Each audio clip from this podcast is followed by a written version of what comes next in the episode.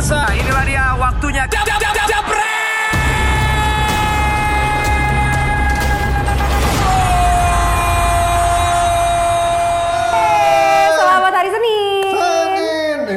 berarti buat para Pandit pandol. online. Unjuk Bener, bener. gigi. Bener, bukan unjuk gigi aja, kayak mau ngunjukin yang lain juga silahkan. Apa unjuk bibir gemeter biasanya kalau pandol-pandol tuh kan. Kira-kira nanti kita tanya Panji Ya. persiapannya ini udah apa aja, dia udah Betul melakukan banget. Hmm. ritual apa. Eh tapi ngomong-ngomong kalian semuanya buat uh, teman-temannya Pandit online atau kalian yang mendukung Pandit online di sini, kalian ayo dong kita kasih waktu 10 detik dari sekarang subscribe sekarang juga supaya bisa ngedukung Pandit online kita di sini dan juga bisa ngikutin setiap hari Dewan Pandit Indonesia pastinya. Sambil belajar juga pasti yang ngeliatin pandolnya udah cukup bagus apa belum? Kalau bagus diikutin, kalau jelek ya Ja- pelajarin. Bener. bisa lebih bagus. Jangan ngerasa so hebat deh Ntar komen biar- doang. Bener, ngadepin Binder sama Justin, lihat tapi bibirnya bergetar apa enggak. Terus ngomongnya tuh "Beuh," gitu-gitu apa enggak. Kita Iya iya iya iya iya iya. Makanya. Oke, tapi ngomong-ngomong kita mau ngasih lihat apa nih hasil kualifikasi? Tapi sebelumnya subscribe dulu dong. Oh udah YouTube ya ya. Jangan lupa subscribe dong Udah pastinya. berapa tadi nih? Gue belum lihat berapa sekarang? 56. ribu ya. Subscribers. Subscribersnya. Dan juga jangan lupa juga follow Instagramnya pastinya ya kalau buat update-update informasi. Benar. Dan juga kan kalau mau daftar jadi pandit online juga silakan langsung ke Instagramnya @jebretmedia Yoi. dan kasih juga alasan dan juga video singkat kenapa kalian wajib diundang jadi pandit online. Yang dua pertama kayaknya masih, yang pertama berantakan, Berantakan. yang kedua agak sedikit lumayan. Better. yang ketiga hari Yang ketiga kita lihat apakah ambiar apa tambah baik. Dan hari ini ada apa aja Nes? Hari ini kita mau kasih lihat uh, ini ya hasil kualifikasi dari Euro. Ya, uh, Inggris menang 4-0, terus Portugal juga Bagus sudah ya? berhasil Bagus ya? lolos. Lalu juga ada Prancis yang berhasil menang dan masih banyak yang lainnya. Udah ada belasan lah ya yang pasirnya lolos. Messi Ronaldo ada apa dengan Nanti kita mereka? bahas. Nanti kita Dan Tentang bahas. Messi sama Ronaldo, siapa yang lewat dari, dari apa di antara mereka berdua menurut Pandol dan juga menurut Binder dan juga Justin. Pasti. Baik. Tapi bentar aja. Ada update Indonesia Malaysia juga pastinya. Pastinya itu akan dibahas sama Binder sama Justin yang pastinya nggak tahu apa-apa soal Indonesia ya. habis Oke lah. Oke lah. Kita kan nunggu Pandolnya. Kira-kira nanti lo akan ngebantuin pandol kita atau malah tambah Gue jerumusin biar mereka mimpi buruk karena gua aja siaran sama mereka udah tuh nggak enak tidurnya. Oh gitu ya, iya baik mereka baik baik. ya. Oke lah langsung aja kita tampilkan siapakah ini. Ya. Udah pada penasaran pastinya siapakah panditonan kita segera setelah ini. alamatnya hitam ya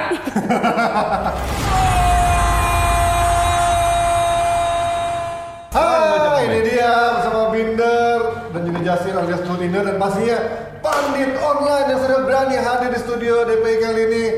Kita persilakan siapa namanya Mas? Namanya Dendi, Dendi, Yap. fans apa dulu Mas? fans Chelsea. Fans Chelsea, fans Chelsea. Oh iya, minggu lalu kita udah, udah Yap. ngomong ya bakal ada fans Chelsea. Kenapa alasan lo berani duduk di sini datang di DPI?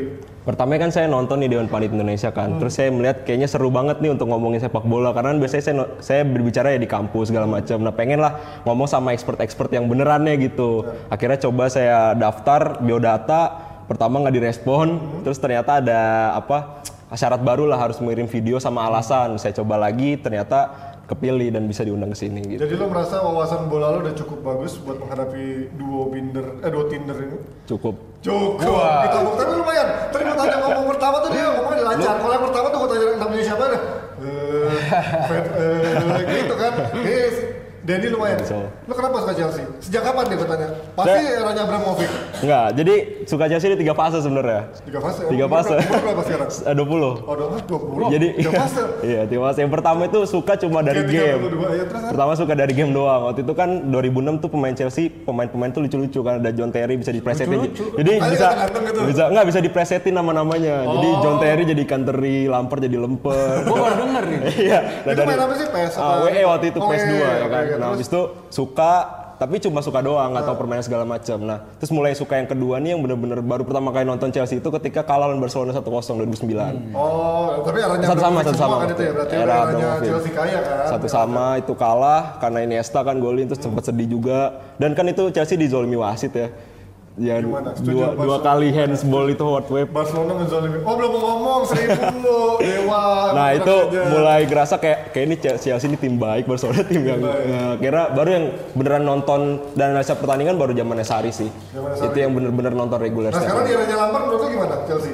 Menurut saya Lampard bagus lah gitu. Maksudnya kan Lampard ini datang ketika Mario so, apa Sari ini datang kan. Jadi kan Chelsea ini defensive minded dari Antonio Conte, Jose Mourinho. Nah, ketika Sari datang kan dia mengubah Chelsea ini menjadi tim Ini menyerang. ja- jatah gue ngomong. Oke, siap. Enggak. Pak Panji pertanyaan terlalu standar, nggak bikin lu keringetan panas dingin. Lu umur 20, lu, 20 lu tahun. mulai mulai merasa apa namanya ngerti bola umur berapa? Baru coach. Baru itu berapa tahun? Baru keti- 2019 ketika Sari megang Chelsea. 2019. Iya. Eh 2018 berarti. 18. ya? Jadi Awal- lu lu, akhir-akhir. lu baru setahun ngerti bola. Iya. Dan lu merasa bisa ngelawan kita yang sudah gue 40 tahun tahunan Binder juga sekitar itu di bola. Siap. Lo bukan siap, gue tanya. gue tanya kenapa lu merasa baru setahun ngerti bola lu merasa bisa ngimbangin kita? Dan kita ini bukan cuma bicara soal Chelsea. Secara overall, Iya. secara global. Ya benar. Cukup sebenarnya kalau misalnya ditanya bisa ngelawan atau enggak, mungkin ya secara logika nggak bisa ngelawan, tapi kan ya Lalu lawan gue sih pasti kalah. Maksudnya Iya, pasti. pasti. diskusinya. Tapi tapi biar tapi kan kita diskusi bareng-bareng jadi jadi kayak ya kita diskusi ada yang salah nanti dikoreksi dan segala macam. Oke, se- gitu. selain Kayak- Chelsea lu tahu apa lagi? Ya secara keseluruhan mungkin pemain-pemain lah misalnya kayak Ronaldo Messi yang yang emang ap- apa yang lu tahu dari Ronaldo Messi? Ronaldo ya pemain yang kita lihat hard work, hard, hardworking, Oke. kerja keras. Oke. Kalau Messi kan lebih ke talenta. Oke. Mungkin It- ya itu doang. Ka- salah gitu satunya doang, dasarnya, dasarnya. 200 juta orang di luar juga bisa ngomong kayak Dasarnya, gitu. dasarnya. Dan Ka- ya mungkin- kalau lu merasa ngerti bola lu harus ngomong lebih dalam lagi dong. Loh, dan lu kan bilang lu baru ngikutin serius dari 2018. Iya, Iya. siap. Terus bagaimana lu bisa menilai ini dua pemain kan sudah lama Iya. bermain. Terus lu gimana bisa bilang Messi ini hanya talenta? Messi kan lari juga di lapangan. Iya, iya. Kakinya dua juga kan? Heeh. Sama kayak Ronaldo kan? Artinya dia kerja keras juga dong. Kakinya tiga. Ya, tapi tapi kalau saya melihat Ronaldo dan Messi ini ada perbedaan Tunggu dulu, tunggu dulu biar ada perbedaan ada apa? perbedaan di sisi mungkin leadership yang pertama. Ah, Kalau bisa bedanya? Ronaldo ini kan lebih ke spokesperson ya. Dia kayak ngomong di bener-bener di apa di depan Emang Messi lain. Enggak, tapi Messi ini bukan kan salah satu interviewnya Messi juga bilang bahwa dia orang yang pendiam ya kan. Maksudnya ketemu Griezmann juga pendiam akhirnya agak lama untuk bisa Oke, se- selain leadership dan ini oke, Leadership. gue gue masih bisa Oke. terima. Apalagi yang lu tahu soal, soal Messi dan Ini kayak mahasiswa baru ya kurang ajar terus. ya mungkin setelah leadership ya pasti cara ini ya mungkin ya faktor non tenis leadership terus cara bermain di lapangan mungkin agak berbeda Messi kan lebih vis visioner lebih maksudnya visinya lebih bagus dibandingkan Ronaldo Oh ya? dia lebih menjadi motor serangan gitu Oke, ke- kalau kalau visi yang nggak bagus, kenapa Ronaldo juga bisa menang 6 Ballon d'Or dan Messi juga? mungkin role-nya aja yang berbeda coach role di lapangan yang berbeda kalau Ronaldo kan Apa lebih bedanya? Coba lu jelasin. Ronaldo kan bermain di sisi kiri ketika di Sporting Lisbon maupun di MU ya kan nggak ngaruh. Kiri, nah iya kiri, kiri kanan nggak ngaruh. Iya, tapi- lu, lu mau di posisi dan, mana pun dan bukan dia kan, Ronaldo ini kan mulainya pertama winger. Iya. Bukan sebagai forward. Dia mulai pertama winger, kemudian dia tidak fokus untuk mencetak gol. Artinya apa? Dia juga terlibat dalam permainan tim di MU. Ketika dia pindah ke Madrid berubah. Kalau Messi ini kan dari awal sudah menjadi pemain yang merancang permainan. Itu yang membuat dia tampil beda ketika pemain lain di Barcelona dengan umur dia yang masih muda bentar. begitu. Kok jadi tidak- lu yang ngejelasin? Bukan. Dia harus ngejelasin, bukan lu. Gua kan lagi jelasin ke dia. Dia harus ngejelasin. Bukan, maksudnya tadi kan dia ngomong bahwa Messi ini visioner, oke dia visioner, tapi Thank you, Nesa. Ronaldo ini juga awalnya mulai bukan sebagai forward, dia juga mulai di wing. Bahkan ketika dia masuk di MU, Beckham itu pas baru exit ke Madrid dia dapat nomor 7. Artinya apa? Dia juga memulai karir dia sebagai pemain yang memiliki visi. Cuma bedanya peran dia dirubah dan dia berhasil dalam peran itu. Messi visioner tapi Messi juga sama bagusnya untuk cetak gol seperti Ronaldo. Terus apa bedanya antara kedua pemain ini? Sama kan? sama di awal Kok tadi lu bilang beda? Nggak, sebelum sebelum sebelum Ronaldo uh, mengganti perannya jadi seorang striker Ya itu kan gue yang jelasin. Iya maksudnya, iya tapi dari penjelasan tadi, Cocok, cocok, honor gue naikin dong. Gue ngomong atas dasar dia ini. dari dari dari penjelasannya Bung Binder tadi kan di awal oke lah sama Ronaldo dari winger, Messi juga Iya. sama jadi uh, bisa mengatur serangan juga gitu. Iya. Tapi kan di akhir-akhir ini Ronaldo sekarang lebih fokus ke striker dia mencetak gol lebih banyak mungkin perbedaannya itu. Kalau lu hanya bicara cetak gol, banyak yang bisa Iya, cetak gol. Ka- kalau lu bi- bicara soal visi, Hasan pun juga punya visi, Iya. juga bagus, tapi nggak pernah menang Ballon d'Or. Nah, sekarang pertanyaan gue ya kenapa mereka berdua bisa menang banyak Ballon d'Or?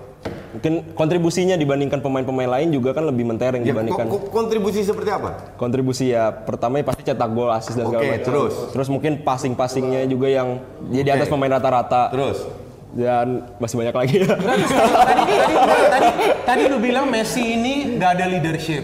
Nggak ada, cuman Ah. kalau Ronaldo ini lebih ke spokesperson dia lebih ngomong. Kalau di kalau kan saya belajar psikologi ya. Kalau di psikologi kan ada dukungan misalnya eh, apresial sama emosi. Nah itu lebih Ronaldo tuh lebih menunjukkan dukungan emosinya terhadap pemain-pemain lainnya kayak Emang Messi enggak? Messi juga sama Messi juga, sebetulnya. cuman caranya berbeda. Iya, caranya caranya berbeda. pada saat sebelum ke ke ke lapangan atau Iya, di, di terowongan, lu nggak ngelihat aja. Iya. Messi pun sama. Kalau enggak, kalau mereka tidak memiliki apa yang lu bilang kan nggak bakal bisa menang 6 balon. Gua dan menurut gua ini dua-duanya memiliki skill leadership juga, cuma bedanya eh, karakter mereka yang berbeda. Iya. Sebelum kita ngebahas mereka di timnas, gue punya pertanyaan tebak-tebakan. Siapa yang paling jago? Ini soal Messi. Dia dulu paling- dong. Siapa yang paling tahu soal Messi? Jumlah tatonya Messi ada berapa? Jumlah apanya? Tato. tato Kan ngerasa jago banget tato Messi berapa Kalau nggak ada berarti simbang semua tentang Messi-nya. Ada yang tahu nggak tatonya Messi berapa? tangan ada Gambarnya apa? Di tatonya tahu nggak? Macam-macam. Ada gambar anaknya, ada gambar. Tatonya Ronaldo berapa deh? nggak ada Ah, Nggak ada, berarti semua kalau sama ternyata. Ada yang tahu. G- Gini gini ya. Lu kan di sini belajar jadi. Lu di sini kan belajar jadi pandit. Yap. Ibaratnya seperti itu ya. Kalau lu hanya bicara data yang lu ungkapkan tadi visioner, itu 2 juta orang di luar, 200 juta orang di luar juga bisa Semua ngomong. bisa. Oke. Jadi kalau lu mau jadi pandit lu harus mengeluarkan sesuatu yang berbeda. Berarti Kalau lu bi- ini apa-apaan nih pakai Eh, pertanyaannya tebak ada berapa? tebak ada berapa? Mereka kan yang bisa jawab. Tebak ada berapa? Oke, kalau tebak aja angka. Oke, gua gak tebak kalau yang gua pernah lihat tiga. Tiga. Berapa? Karena dia ada pernah buka Tebak. Ini kayak lo angkanya deh. Angka Tiga. terdekat. Kayaknya dia- besar besar. Angka terdekat. kayak bukan. dia banyak Berapa? Sebut aja angka. Sebut angka. 12 Buset. Hah? 12 dia banyak 20. Yang benar jawabannya tunjuk. Kalau gitu gua deket dong Ya, tiga. lu main dekat. Dia pasti paling hebat. Nomor dua ini 20. Jauh banget. Gua gak peduli deh.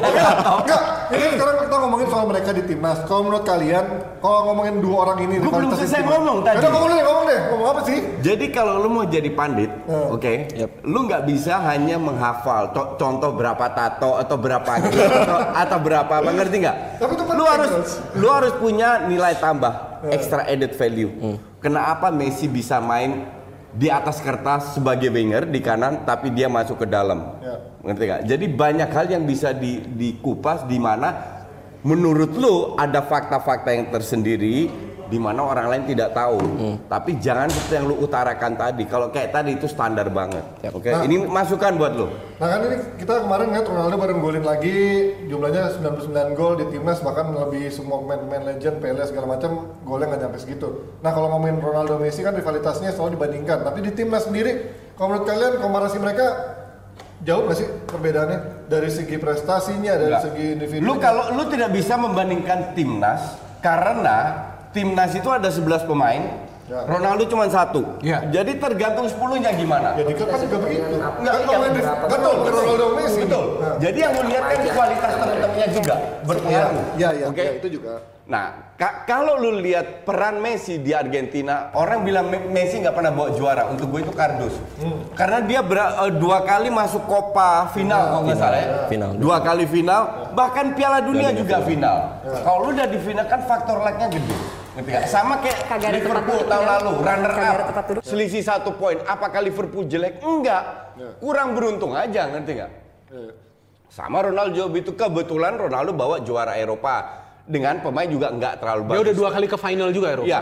Dalam arti memang dia punya peran bagus karena kalau gue bilang pemain Portugal nggak bagus-bagus amat juga. Lebih parah daripada Argen sebetulnya. Mungkin ada satu dua tiga Bernardo Silva. itu dulu dan ketika lain-lain. ketika di generasi Mas masih ada Vigo, Figo. masih ada Ya, kan, Costa, kalau itu iya. lebih merata. Ya, jadi kalau dibilang peran ya pasti peran mereka besar. Cuman di Indonesia di di Argentina kan masih banyak faktor internal. Enggak gini loh. Ribut lah ini Iya, lah. yang di Portugal nggak ada. Dan kita juga tidak hanya ketika tadi Panji bilang ya di klub juga sama, betul di klub juga sama, tapi lu harus lihat di klub tuh karakter permain itu ber- eh, bervariasi. Ada datang dari negara lain juga. Dan Messi ini kan saya bicara Messi dulu. ya. Messi ini kan adalah produk dari akademi Barcelona. Tentu dia paham apa ini filosofi Barcelona. Bahkan dia bisa memberikan advice mengenai calon pelatih ataupun pemain karena dia tahu ini yang cocok dengan konsep permainan Barcelona. Itu yang membuat ia lebih berprestasi bersama Barcelona. Di Argentina ini kan sedikit berbeda. Pemain-pemain datang dari klub-klub yang berbeda Kualitasnya yang juga beda. Kualitasnya beda dan yang visi permainannya ini Beda jauh juga. berbeda daripada Iya, Messi. iya, iya. Jadi kalau kita melihat permainan Messi di Argentina betul secara permainan he's good. Itu gak bisa lu bilang dia jelek. Iya. Tapi dia sulit membawa prestasi karena pemain-pemain ini nggak paham dengan gaya permainan dia. Itu pertama. Sekarang kita bicara Ronaldo. Kita lihat ada foto dia di sini. Kenapa Ronaldo bisa berhasil? Karena Ronaldo ini bisa menerapkan taktik yang lebih merata kepada pemain-pemain yang artinya lebih kolektif. Dan Ronaldo ini kan bukan pemain yang memulai serangan untuk timnya. Ia adalah pemain yang melakukan finishing.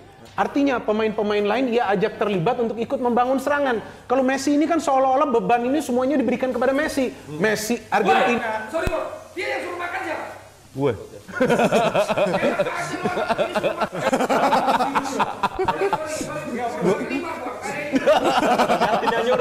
Yang bayarin gue. Oke, kalau di ini kan apa? Di lupa. Sorry, sorry, sorry.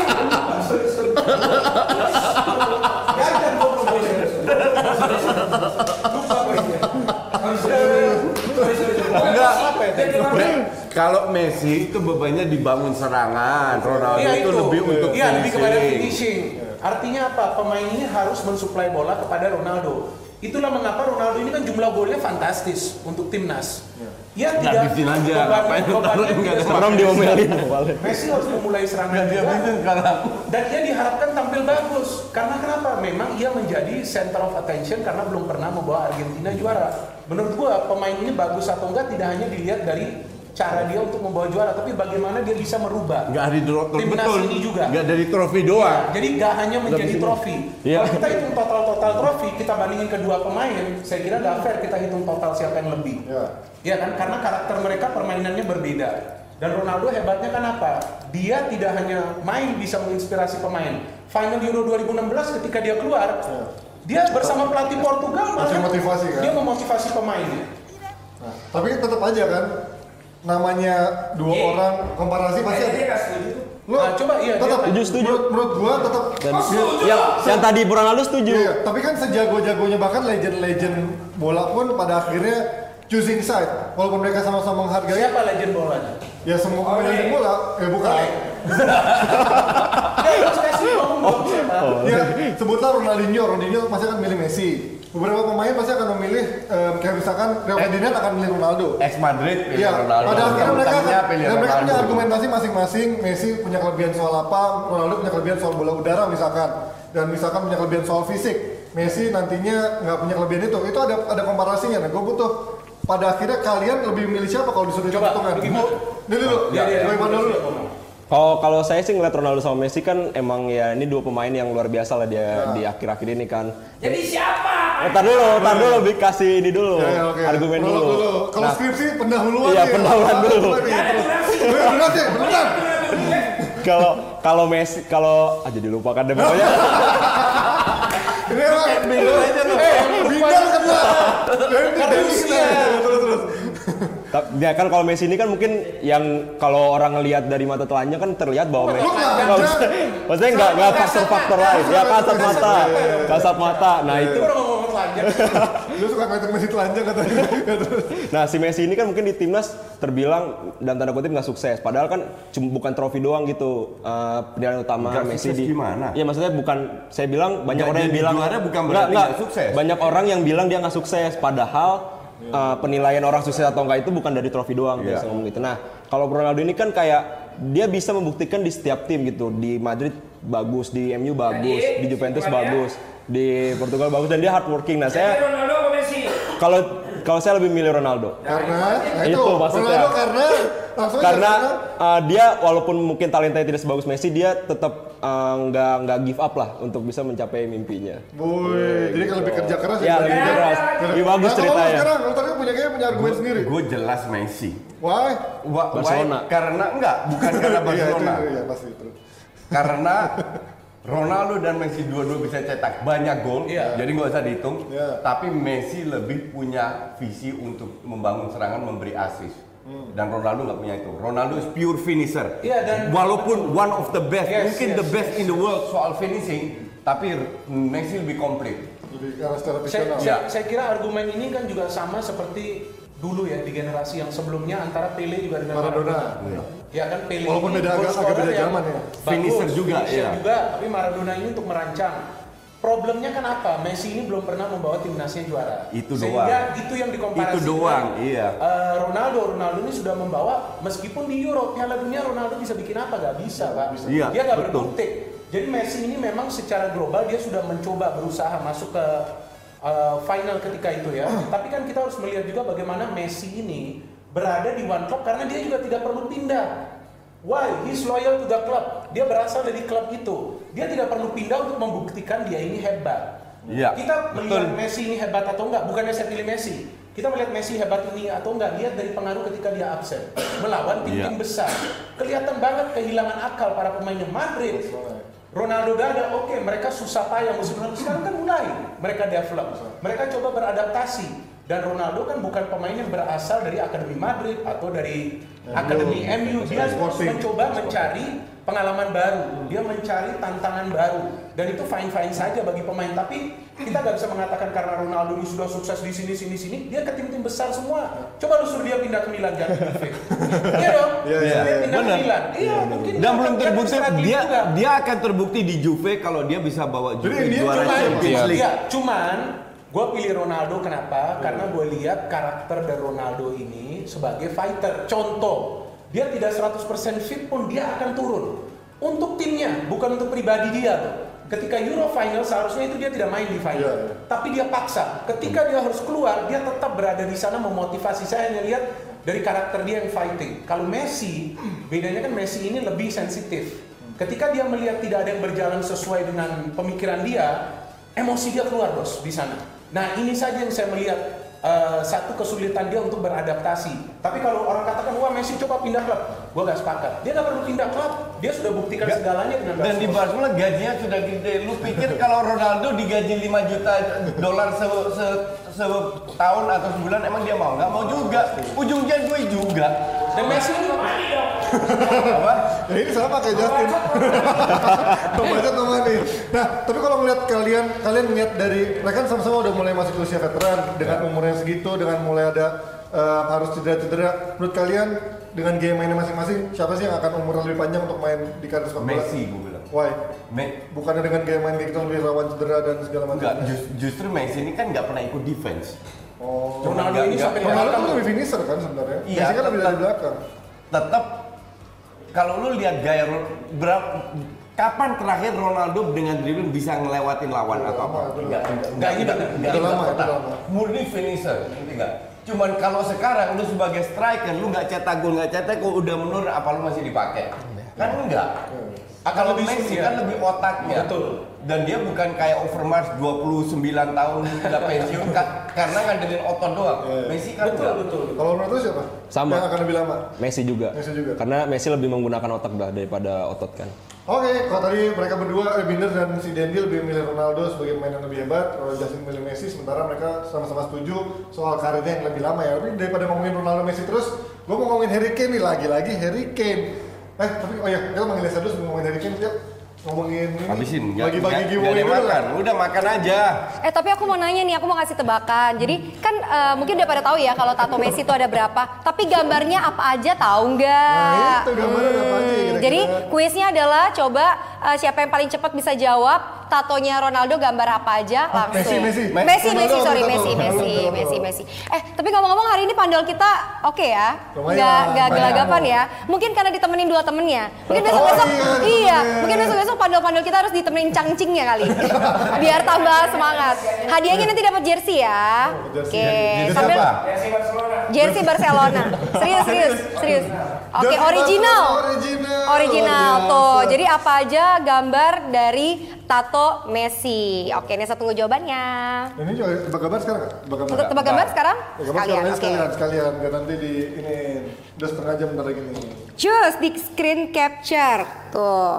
Momen apakah ini? Ini gambar pertama, kedua, ketiga. Yang bisa jawab berikut dengan alasannya langsung dapat giveaway dari Nesa. Oke, itu dia tadi tebak-tebak gambarnya dan juga bagian giveaway-nya. Nah, kita tadi ngomongin soal Harry Kane. Lagi-lagi dia cetak gol, cetak gol, dan cetak gol. Kemarin kita udah ngebahas soal rekornya dengan lewatin Alan Shearer. Tapi lagi-lagi em, banyak yang bilang bahwa Southgate ini punya PR di lini depan ketika nantinya Harry Kane cedera. Menurut kalian apakah memang Inggris itu akan mainkan gaya bisa mainkan gaya tanpa Harry Kane dengan Lu- kayak model gaya Liverpool gitu. Gini gini, lu tidak bisa membilang eh, punya gaya atau tidak karena Harry Kane nyaris nggak pernah cedera di timnas Inggris. ya. Sel- selalu bermain, jadi belum belum kelihatan. Justru ketika dia cedera itu kan Ta- masalahnya tapi ada apa ka- kalau gue bilang masalah di Inggris ini bukan hanya masa, ma- ma- masalah di depan, tapi juga di belakang, di samping, di kiri, di kanan dan lain-lainnya. Ini karena gue kemarin nonton interviewnya sama Harry Redknapp Ya. Di mana nontonnya? Gimana nontonnya? di YouTube. Di YouTube. Oh. Dia bilang, gue itu enak tiap kali Inggris main dan gue gue menunggu Premier League apa namanya dimulai lagi. Kenapa? Tiap tahun is the same old story. Tiap kali Inggris menang dengan skor banyak-banyak, habis itu masuk turnamen, year in year out selesai.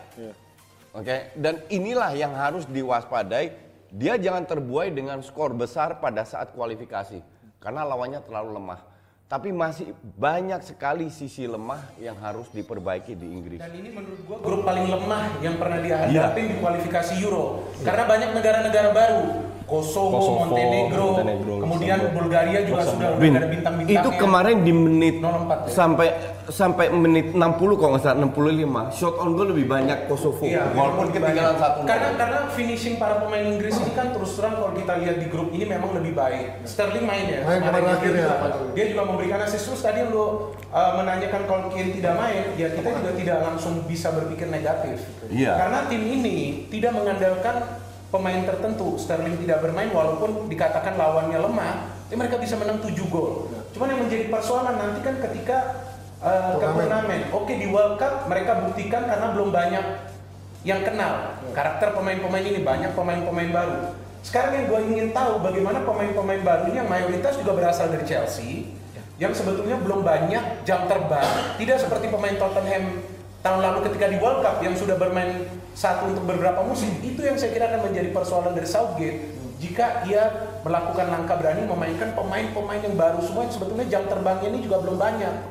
Itu yang akan merusak Inggris. pemain muda Pemain-pemain muda yang belum lama bermain Dan- di level klub. Dan sebenarnya is it fair? Apakah itu fair untuk uh, menaruh semua beban di pundak pemain-pemain muda yang baru mungkin 12 match berprestasi dengan Chelsea? iya. Ngerti nggak? Nggak fair juga, ya kan?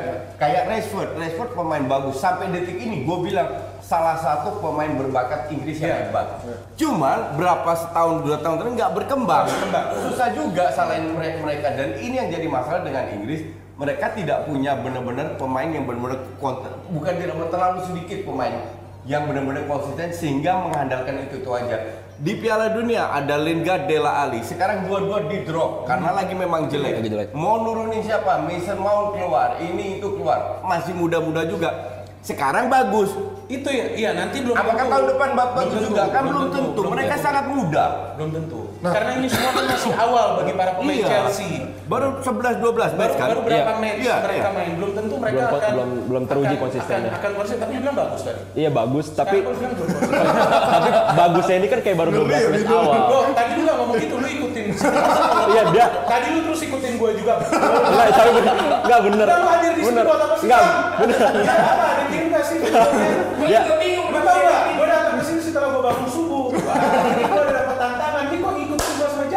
Enggak dia dia pemain Chelsea ini emang bagus gitu ber 12 Apanya match. yang 12 bagus? match awal. Tadi lu bilang bagus, Iya. langkah bagus. Iya. Je- Jelasin apa yang bagus. Ya 12 match awal kan bagus tuh maksudnya Tammy Abraham sebagai seorang Ya, striker apa dia yang bisa mencetak bagus? gol segala macam. Mencetak gol, oke. Ah, Terus Mason Mount juga bisa apa memainkan perannya dengan sangat baik di sisi mid, midfield di Oke. tengah. Cuman Ya, memang dia mainnya di midfield, Iya. masa dia main ke belakang. Cuman yang jadi masalah dari pemain muda ini kan konsistensi. Kita lihat Vinicius Junior juga pas baru pindah ke Madrid kan kayaknya ini pemain luar biasa segala macam. Tapi kan lagi-lagi Ngomong konsistensi. pemain Pemain Madrid dibolong lagi. Gue sendiri dah harus main di. Sekarang Iya. Chelsea, bahas Chelsea dulu Iya. terus. Dan ya jadi salah satu PR Chelsea dan Frank Lampard ya harus menanamkan konsistensi kepada pemain-pemain muda. Kan belum teruji juga di ini apa eh, Desember dan Januari Lu ketika jadwalnya lawan. Ajax di babak pertama Iya, dia benar. bokobok. Habis, Bokobok ya. habis. Dia bokobok. Habis. Sok-sok ngepres, dia bokobok sama Ajax. So, ini apa dia percaya diri banget? Iya, ini ini kalau gue bilang bukan hanya masalah konsistensi, Iya. Tapi masalah strategi Lampard yang terlalu berani menyerang. Itu berani banget. Di mana di match pertama lawan MU sudah dibuka kelemahannya Iya. di mana habis satu lebih Kem- sama Ajax dibuktikan lagi pada saat melawan tim yang lebih rapat bermainnya Iya. mereka sangat Exactly. rentan karena 3-4 yang melakukan high press meninggalkan space kosong yang bisa dimanfaatkan oleh pemain-pemain yang mainnya lebih dekat lagi. Nah, ini harus dirubah bahwa Lampard harus tahu lawannya siapa. Kalau lawannya tim-tim seperti Madrid, Barcelona, Ajax nggak bisa main Nggak kayak bisa main begini. kayak biasanya. Iya, harus mungkin lebih agak de- defensif lagi, lebih rapat lagi. Iya, artinya Jadi dia harus ada sebuah variasi. PR, harus ada Harus ada variasi. harus ada va- variasi lagi. Ya, tadi lu bilang Lampard bagus. Iya bagus, tapi ya itu Sejauh tadi ini. yang tadi sejauh ini kan bagus kan. Pertama konsistensi, yang kedua emang belum teruji ngelawan tim-tim besar. Iya. Iya lawan MU kan bisa kalah 4-0, bahkan dua kali lawan MU kalah. Iya, ini emang jago. Tapi nanti, tapi ini jago. Eh, ini di rank berapa sekarang? tapi nanti pertama, Tujuh, tujuh, sabar. Tapi- di atas poin doang. Masih di atas. Santai beda satu poin. Dari dulu di atas terus. Iya. Kalau MU menang lima kali beruntun tetap di Kita bawah. ngomongin Kayak musim Inggris. lalu. Lu ngomongin sama Arsenal. Kan tadi ngebahasin soal Inggris. Kalau menurut kalian kemarin kan di apa di Piala Dunia banyak yang eh, bilang ini kejutan dari Southgate bisa melaju sampai sejauh itu. Terus dilanjutkan dengan trennya Siapa yang bilang kejutan dari Southgate? lo lihat dong media-media bilang football Ya is coming home. media lo kato. akuin dong ketika pemain-pemain Inggris yang kato itu bisa nembus sampai ke semifinal. Oh, iya, ka- kalau semifinal iya. Ya tapi kan dengan pemain yang dan dengan ada kejutan main tiga center back itu kan buat Southgate Iya, banyak yang meragukan Iya, awalnya sekarang iya. jadi kejutan kan. Se- Sebenarnya gue tidak bilang Southgate jelek. Iya. Karena untuk gue kalau lu bandingin murni Tadi lo bilang jelek. Bukan, bukan. Enggak, jelek. enggak. Lu lu jangan fitnah kayak Iya. orang-orang lain ya. Jadi lu harus Orang lain siapa sih? lu harus dengerin omongan gue. Maksud Gue bilang jelek, gue bilang belum terbukti karena King selalu main. Iya, makanya. Yang gue bilang kalau gue bandingkan dengan pelatih Inggris sebelum Yang sebelumnya, sebelum-sebelumnya. salah satu yang terbaik Southgate dari Pelatih sisi lokal, ya? pelatih lokal dari sisi permainan di luar hari skor skor itu buat kardus da- da- da- dari sisi permain itu cukup bagus cuman masih rentan dan biasanya kemenangan banyak kemenangan dengan skor besar itu itu apa namanya menutup kelemahan tim-tim ini. Nah, Southgate harus sadar bahwa kita menang 7-0, 4-0, Nggak ada artinya nggak ada artinya. Iya, iya. Yang jelas lo harus tetap low profile, fokus terhadap kelemahan-kelemahan dan itu kelemahan banyak banget gitu. Dan dan dia ini mengambil resiko loh memanggil begitu banyak pemain. Nanti pilihannya Iya, siapa? iya, iya, ini terlalu iya. banyak loh yang dia masukin pemain-pemain baru hanya untuk memberikan jam terbang, untuk memberikan pengalaman. When the real event comes, dia harus milih Jadi malah bingung. sulit, akan sulit bagi dia. Gue bilang pemain kayak Delft gitu kan nggak layak masuk. Itu dia. Maksudnya dia terlalu banyak manggil Dia tahu dia nggak? tahu main City kan? Ini Sekarang? Everton. Sekarang Everton ya baru pindah. Tadi Maguire. Ini wings, wings, wings. Tadi- tadi. Wings, wings, wings, wings. wings cetak gol. Nah, tapi kan kalau kita lihat kemarin Ini mau sebenarnya kan Declan Rice. squad squad eh, seniornya kan sebenarnya masih ada intinya kan di kayak Harry Kane, Sterling, terus juga Pickford di backnya masih ada Maguire, Stones. Nah ini kan banyak yang bilang ketika Piala Dunia kemarin udah melaju sampai semifinal, di- dilanjutkan dengan tren lumayannya di UEFA Nations League. Banyak yang bilang sekarang apa ketika Euro adalah saatnya Inggris mainnya matang-matang ya. Menurut lo gimana? Apakah mereka Ya. akan mengikuti tren Jerman, Prancis akan matang-matangnya setelah Cerita kayak begini ini kan sudah berkali-kali didengar. Zamannya Beckham. Beckham, Scholes dan lain-lain generasi emasnya ceritanya kan sa- sama kejadian oh ini udah matang-matangnya dengan MU mereka juara dengan bla bla bla ujungnya katro Enggak, tapi kan secara timnasnya Enggak, Inggris sebetulnya. 98 berantakan, 2002 Iya. baru bagus, Enggak, loh. berantakan lagi kan. Bang bagusnya apa sekarang gue tanya? Nah, 2002 kan bisa ke semifinal juga kan? Iya semifinal menurut lo bagus. Ya, buat- 2002 yang mana? Nah, 2002 yang Brazil tuh World Cup. eh World Cup eh Jepang, dia bukan Korea. enggak empat final kalau nggak Hormat ya, Enggak, lawan enggak Brazil. semifinal iya. Enggak, enggak. final. Kalau gua lihat Inggris ini chance-nya ini sebetulnya bukan di Euro. Karena Euro kekuatannya hampir merata. Dia tidak pernah sukses di Euro. Lawan Iceland aja dia kalah 2016. Kejutan. Dia lebih bisa berprestasi di World Cup karena ketemu tim-tim lemah. Dan pemain-pemainnya juga lebih matang lebih lagi. matang lagi seperti dia ketemu tim dari Afrika atau Amerika Latin. Kalau untuk ngomong jangan 2002, dia masih umur 3 tahun. Iya sih. Iya banyak yang nggak tahu, banyak yang nggak tahu. ya, udah 2002 salah. Salah, perempat final. Kelas final. 9. Kan sudah 9. Lo kan sudah sembilan, sembilan. sudah sembilan? Iya, Gila, sudah sembilan. Kok bocor banget ya di sini? Iya, ja- Jadi gimana? Jadi, jadi intinya dan Jadi lu, lu harus tahu bahwa media Inggris itu Gua nggak tahu juga dominasinya itu sa- sangat besar sekali Football di Eropa. Kenapa? Karena bahasa Inggris semua orang ngerti. Oke, nah orang Inggris nggak ngerti bahasa Jerman, bahasa Belanda. Maka dari itu seolah-olah media Inggris lebih banyak dibaca karena banyak yang ngerti. Bukan berarti isinya bener. Di Inggris itu ada empat koran yang tiap hari harus diisi dengan berita bola. Kalau nggak ada berita bagus, keluarlah gosip, keluarlah ini itu dan lain-lainnya. Maka dari itu kalau orang bilang Inggris harus juara dengan dengan berdasarkan kualifikasi untuk juara, bullshit. Kalau Pandol gimana Pandol? Menurut lo dengan Best kemat- out, best out, best. kematangannya Kane segala macam Sterling, apakah sekarang Euro waktunya mereka menjadi salah satu kandidat juara di Euro? Kalau menurut saya sih belum belum waktunya lah ya. Karena kan di Itu kata Binder tadi. Iya maksudnya dari dari kualifikasi iya iya enggak dari dari dari dari dari dari kualifikasi kan pemain Inggris ini ganti-ganti terus kan. Itu juga gue yang ngomong. Bentar dulu, Atau gini deh, gue nggak mau ngomong dulu. Oke, oke, boleh. Boleh. Lanjut lanjut terus gimana? Nah ya udah akhirnya pas di Euro nanti kan nggak pertama pemain-pemain masih muda belum terlalu matang. Terus yang Euro kedua ada di mana nanti? Euro nanti ada di mana? Ayo. di Di negara mana?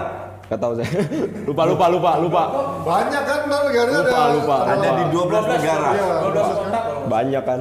banyak. Oke, dari Inggris kita pindah ke MU nih. MU. Ya elah. Nggak, Ah, nggak nggak ada. Eh ini yang bikin rendang siapa? Gak ada liga, gak ada apa-apa-ngapain Mas MU.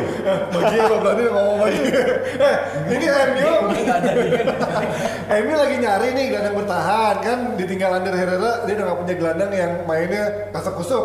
Nah sekarang diincar si pemain mudanya si Rene, si Kamavinga itu yang kemarin dibuat rekor 17 tahun debut pemain termuda di Ligue 1. Ini mah yang tahu hanya fans MU soal. Dapat Nggak, asis Iya, ya. gue gak ngerti. Menurut lo ini apakah pemain yang cocok untuk menempatkan posisi di DMF yang dicari-cari sama MU selama ini? Lu pernah lihat gak dia main yang Pernah lihat nggak? tadi? Lu pernah lihat? Lu nanya dia pernah lihat Ya, gini. Kan dia baru main musim ini. Ya bentar, make sense gak? Klub salah satu klub mungkin terkaya di dunia ya, MU beli pemain umur 17 Namanya juga gak jelas. Eh, jago, 17 terus lu berharap bahwa dia akan membawa MU ke papan atas jago. Sekarang Itu- ini ini jago. Waktu main PS satu. lawan jago di U17 Enggak lawan PSG dia man of the match yang ngalahin PSG Satu waktu match itu. doang. Bukan di Liga A. Jadi kan, makanya Ya ini potensinya, gue nanya potensinya. potensi pasti bagus Potensi ada. Ya kan cuman untuk Enggak, bisa gue tanya lu pernah nonton dia sekarang dia main? Enggak, enggak. Bohong aja udah. Bohong bohong aja pernah. Iya. Gue sih nonton, menurut lu gimana deh? Dia nonton apaan lu? Highlights ya. Gue nonton lawan PSG, gue nonton di sana nggak nonton. Gimana kalau menurut lu? Nah, saya juga baru lihat highlight-highlightnya doang sih Kamavinga ini dan ya mirip-mirip kayak Pogba lah mainnya. Cuman ya kalau untuk tim sekelas MU ya belum lah. Masih 17 tahun masih tiba-tiba sekelas ganti. MU maksudnya apa? Sekelas MU kan apa? MU? MU MU kan tim papan atas lah. Tim papan atas. Peringkat United. tujuh MU itu papan atas di atas kertas. Untuk fansnya itu tim papan atas. Padahal realitanya enggak. Udah bertahun-tahun enggak. Iya, iya. Nggak, emang, memang sosok DMF itu emang yang paling dicari-cari sama MU selama ini. Kalau menurut kalian, apakah memang MU kekurangan sosok gelandang penyikat ayam apa? Penyikat Ya MU itulah, pokoknya MU itu kurang dari kaki. MU itu kurang dari segala lini. Yang dibutuhkan MU itu cuma satu. Direktur teknis. Dirtek. Direktur Dia harus berubah Direktur banyak. football yang dia nggak punya. Banyak Direktur dia harus teknis sama berubah. security. Buat apa? Dapat orang. Ta- tapi kalau lu bicara lini, di- dari semua lini mereka butuh orang. Eh, butuh orang. Oh, butuh, Butuh pemain lah. Strikernya masih, emang menurut lu striker kurang? Lu sebesar MU cuma punya Martial doang. Nggak bisa. Mereka itu keteteran kehilangan banyak poin karena nggak ada Iya. Martial. Mau datengin pemain 17 untuk gantiin Herrera. Sarap ini, itu topik dari siapa? Siapa yang bilang itu? Siapa itu? Eh, siapa yang bilang nih? Enggak kan?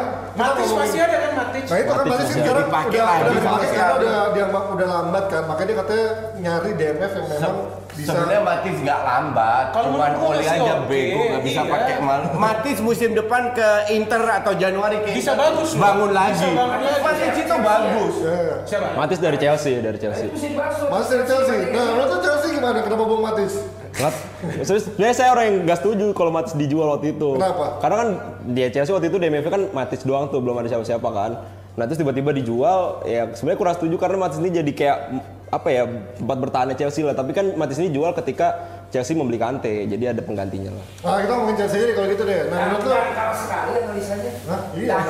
Iya, Aku juga paham. 20 tahun, 20 tahun. Lu lihat HP dibuang. Ya, baru nonton 2 tahun. dibuang. Oke, kalau menurut lu sejauh ini kan tadi bilang bagus. Kau. pendapat tuh soal Chelsea sampai akhir musim bakal melaju di papan atas terus apa enggak? Saya Kenapa yakin, alasannya? yakin empat besar lah. Kenapa alasannya? Karena- lawan tim besar kan nggak bisa kemarin berapa Iya kali. tapi kan dilihat dari kompetitor-kompetitor Chelsea ini juga nggak nggak bagus kan dari MU. kurang aja menang lawan Tadi Chelsea. Iya tapi lawan lawan, Chelsea. lawan, lawan Chelsea emang ya Chelsea kalah tapi kan lawan tim-tim lain Lawan kan MU belum tentu menang. Lawan siapa lagi kalah? Lawan tim besar lawan City dulu. Non Arsenal La- belum ya? lawan Arsenal bakal kalah juga. Tuh kan? Nggak, menang Chelsea, menang, menang. Lawan Arsenal menang. Ketika lawan kompetitor lo bilang kalah-kalah semua kan lawan tim besar kalah. Berarti targetnya cuma lawan tim kecil loh. Ya tapi kan dengan lawan tim kecil kan tim kecil lebih banyak dari tim besar kan di Premier League. Jadi poinnya akan apa? Akan inilah akan aman lah untuk Eh, bisa tahu, mendapat masuk empat Newcastle aja bisa kalian MU. Tapi tapi kan dari 12 match kan Chelsea terbukti ngalahin tim-tim kecil. Tapi itu Eh, bukan itu bukan menjadi Salah satu salah satu salah satu sekarang Ya, eh, kalau satu kita faktor minta utama. siapa yang bisa ngalahin MU, semua orang semua tim bisa Eh. Bournemouth, Bournemouth kali ini juga 1-0. Ini Liga Ya, Inggris. tapi, harus gue akui kali ini gue setuju sama dia. Enggak, kalau gua, enggak kalau gua. Untuk gue, Chelsea akan masuk empat Nggak, besar. Kenapa gue bilang nggak setuju? Karena gue mau lihat Chelsea ini bisa survive atau enggak di bulan Desember ketika jadwalnya Iya. padat. Kemudian prioritas Lampard ini ke mana? Dia betul mau bawa Chelsea ini kembali ke Europe musim depan atau dia incar piala? Kalau dia incar piala mungkin dia akan fight di di trofi lain, di FA ya, di FA mungkin. Kemudian di Champion, kalau dia masuk terus di Champion dia progres, dia akan terkuras di sana loh. That's that's where the real money is. Tapi empat besar kayaknya masuk lah. Ya kita lihat. Kalau menurut gua mungkin di bawah Arsenal lah. Kalau Arsenal yang keempat. kalau untuk gue Liverpool City 1-2, ketiga Chelsea. Nah, keempat ini jadi rebutan Leicester, Arsenal. Arsenal, MU. Berarti juara siapa? Kita nggak bahas juara siapa. Satu ya. Satu dua. Dia satu siapa? Dia lewat aja. Gak ada topiknya, gak ada. Gak ada. Gak usah bahas. Gak ada Gak ada urusan. Dia dia bilang satu satu dua. Satu dua. Liverpool City kan? Satu atau Iya. dua. Eh, lagi. Tiga empat apa? Gak ada urusan. dia bilang satu dua. Siapa bilang dia nomor satu dia bilang siapa? tadi? Liverpool City dia bilang. Liverpool atau City? Liverpool kan? Liverpool atau City? Liverpool atau City? Jadi keempat ini yang gue justru gue takutin Leicester akan konsisten. MU, MU sama Arsenal tidak bangkit lagi. Berarti Karena, Leicester karena Chelsea perandingan betul. dibajik. Kalau Chelsea ah, 90% masuk empat besar. Nah yang keempat ini jadi rebutan antara Leicester, MU, Arsenal dan Spurs. Spurs berat feeling gue. Persis sama. Ya. Ya, berat. Apalagi Erikson ini udah dibilang udah Sebenarnya MU berat juga. Tapi nggak enak kan. Enggak, ini tuh targetnya sama Carabao udah cukup sih. Tapi kalau menurut lo Chelsea mungkin nggak jadi pesaingnya Liverpool sekarang? Kan bedanya sekarang udah lebih di atas City belum, kan? belum, belum, Enggak lah, belum, jauh lah. masih jauh. Udah Itu ini. pertanyaan kardus. Nah, kenapa enggak? Leicester yang bisa juara. Enggak, enggak bisa. Itu Udah jauh. lewat, Masa-masa itu udah lewat. Masa beruntung. Sekarang itu peringkat 100 tiga loh. Peringkat tiga lu mau juara. Liverpool sama City juga diobok-obok. Enggak, Panji, tadi kan kita udah sepakat bertiga bahwa 12 match ini tidak menjadi patokan. Ya kan ini masih awal. Jadi kalau kita mempertanyakan Chelsea ini bisa untuk juara atau enggak, ya mana bisa Liverpool punya form lagi dahsyat. Iya. Dia sulit Enggak, banget maksud gua dahsyat, Maksud gua- gede pula. Maksud gua pesaingnya Liverpool menggantikan City kan kemarin City yang nempel terus. Sekarang enggak. jauh City kan? akan tetap bisa nanti comeback. Oke, challenge. sekarang waktunya Desa. Desa, ya bacain Tapi di dia tahu nggak di Stamford Bridge Chelsea Chelsea cuma come on Chelsea. Ada ada yang lain, ada yang lain. Ada yang lain. Ada yang lain. Oh, Temi, Temi, Temi, Temi, Temi, Temi, Ya, Abraham. itu kan. Semua klub ada ya. Iya, Nah itu, Super Frank Lampard, Super Frank Lampard. Yang Super yang Ini Super apa? Frank Lampard.